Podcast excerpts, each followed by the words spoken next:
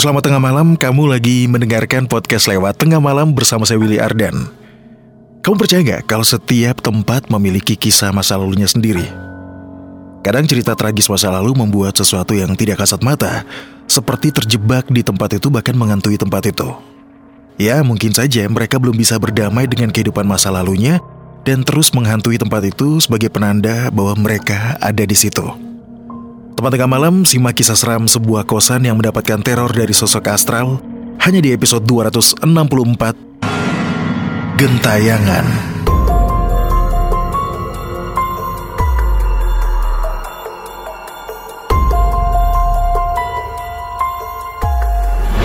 Kamu lagi mendengarkan podcast lewat tengah malam.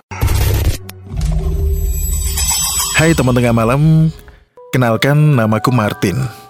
Kalian percaya gak sih dengan keberadaan entitas lain di dunia ini? Mereka yang disebut tak kasat mata. Ya, siapa sangka kalau di zaman yang udah modern, terutama di tengah kota yang padat penduduk, ternyata masih ada juga ya penampakan ataupun kehadiran dan juga eksistensi dari sosok-sosok makhluk astral. Seperti kisah kali ini pengalamanku bersama dengan teman-temanku yang ngekos di sebuah daerah di Pancoran. Nah, kisahnya itu berawal di satu tempat di sekitaran Pancoran. Lokasi persisnya, maaf, belum bisa aku spill di sini. Nah, di tempat itu terdapat sebuah rumah yang digunakan sebagai kos-kosan yang cukup besar. Ada kurang lebih 30 kamar yang terdiri dari 10 kamar dengan AC dan kamar mandi di dalam, dan sisanya 20 kamar non-AC dengan kamar mandi di luar. Kosan ini memiliki parkiran yang cukup luas untuk orang-orang yang membawa kendaraan sendiri atau memarkir di area tersebut. Nah, di salah satu tempat di area parkiran tersebut, terdapat sebuah pohon mangga tua yang sangat besar dengan daunnya yang sangat rimbun. Cerita horornya akan berfokus dari pohon mangga ini, yang ternyata tempat ini angker dan ada penunggunya.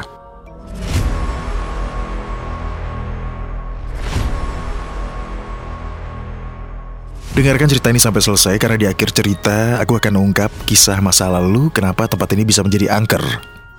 Jadi cerita ini terjadi kira-kira lima tahunan yang lalu. Di mana kondisi kosan saat itu lagi sepi-sepinya karena beberapa penghuninya banyak yang memilih untuk mudik. Hingga tersisa lima orang saja yang berada di kosan dan hanya ditemani atau diawasi satu penjaga kosan dan dua asisten rumah tangga. Suatu malam kita lagi asik-asiknya nonton film rame-rame di salah satu kamar.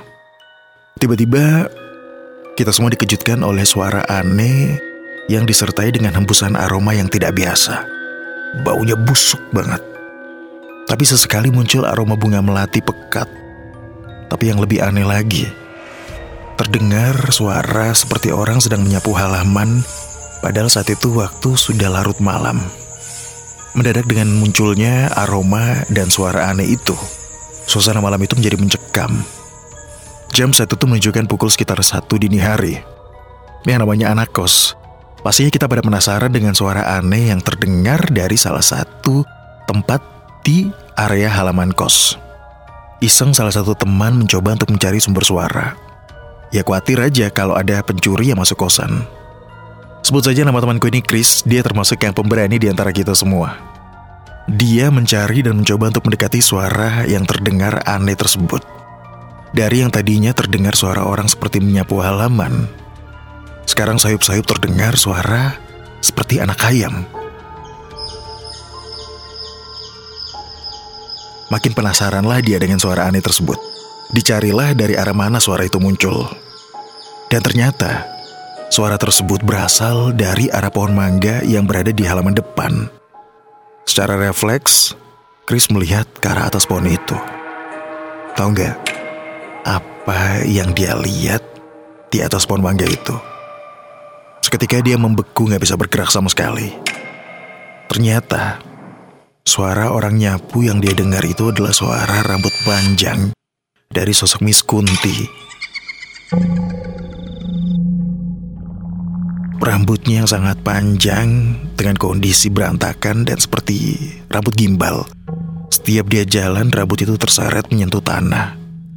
Bunyi yang terdengar seolah-olah kita mendengarkan orang sedang menyapu halaman. Perlahan-lahan sosok itu seperti memanjat dengan lincah dan juga cepat naik ke salah satu dahan terbesar yang ada di pohon mangga tersebut. Aku dan tiga temanku yang lain melihat kejadian tersebut segera berusaha untuk menolong dan memanggil penjaga kos. Dan gak lama kemudian penjaga kos muncul, namun rupanya si Miss Kunti udah menghilang entah ke mana. Ternyata kejadian itu bukanlah yang pertama. Karena teman-teman kos juga sempat mendengar cerita atau pengalaman horor yang dialami warga sekitar kosan. Yang ternyata juga mendapatkan gangguan dan juga ikut menjadi korban. Salah satunya Bang Udin. Nah Bang Udin ini tempatnya persis ada di depan kosan. Dia tuh punya warung kopi yang jam operasionalnya cuma sampai jam 10 malam. Nah suatu malam, saat itu waktu sudah menunjukkan sekitar setengah dua dini hari. Si pemilik warung udah pasti sedang beristirahat. Tiba-tiba saja dikejutkan oleh suara ketukan di pintu warungnya. Saat itu Bang Udin mikir, ya aneh aja kalau ada pelanggan mau pesan kopi jam satuan. Tapi karena dia penasaran, dia langsung membuka pintu warungnya. Dan terkejutlah dia dengan apa yang dia lihat di depan pintu warungnya. Jelas sekali terlihat Miss Kunti berdiri di depan pintu warungnya, tapi wajahnya sama sekali nggak jelas karena tertutup semua rambut gimbalnya dengan baju berwarna putih lusuh. Penampakan itu nggak lama, seketika Miss Kunti itu langsung terbang ke area kebun yang ada di samping kosan sambil tertawa cekikikan.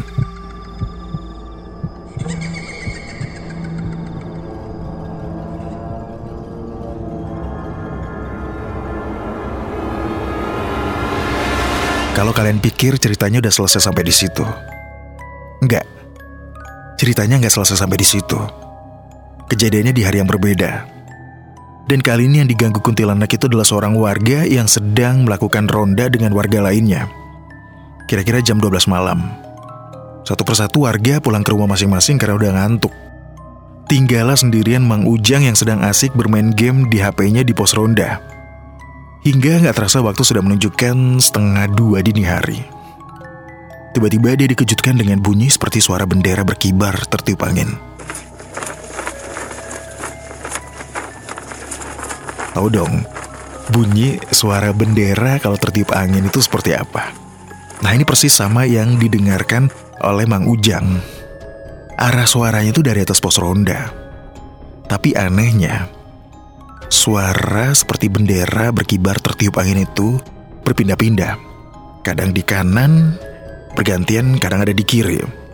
Ketika dia melihat ke atas, ternyata apa yang dia lihat Miss Kunti sedang asik terbang pindah dari satu atap ke atap lain rumah warga. Cepet banget ya. Dan terakhir dia kembali ke pohon mangga rumah kosan. Karena kaget dan takut Bang Ujang langsung kabur dan lari balik ke rumahnya. Fenomena aneh ini memang tidak sering terjadi di sekitaran lokasi pohon mangga itu. Tapi akhirnya misterinya terungkap. Dari cerita orang-orang tua yang sudah lama bermukim di sekitaran area itu, Dulunya tempat itu sebelum ramai dengan rumah warga, daerah tersebut merupakan rawa. Dan di dekat kosan ada sebuah sungai kecil yang mana dulu pernah ada seorang perempuan bunuh diri akibat diperkosa.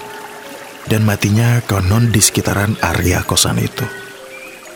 Ya, bisa saja arwahnya masih terjebak dan gentayangan di area tersebut.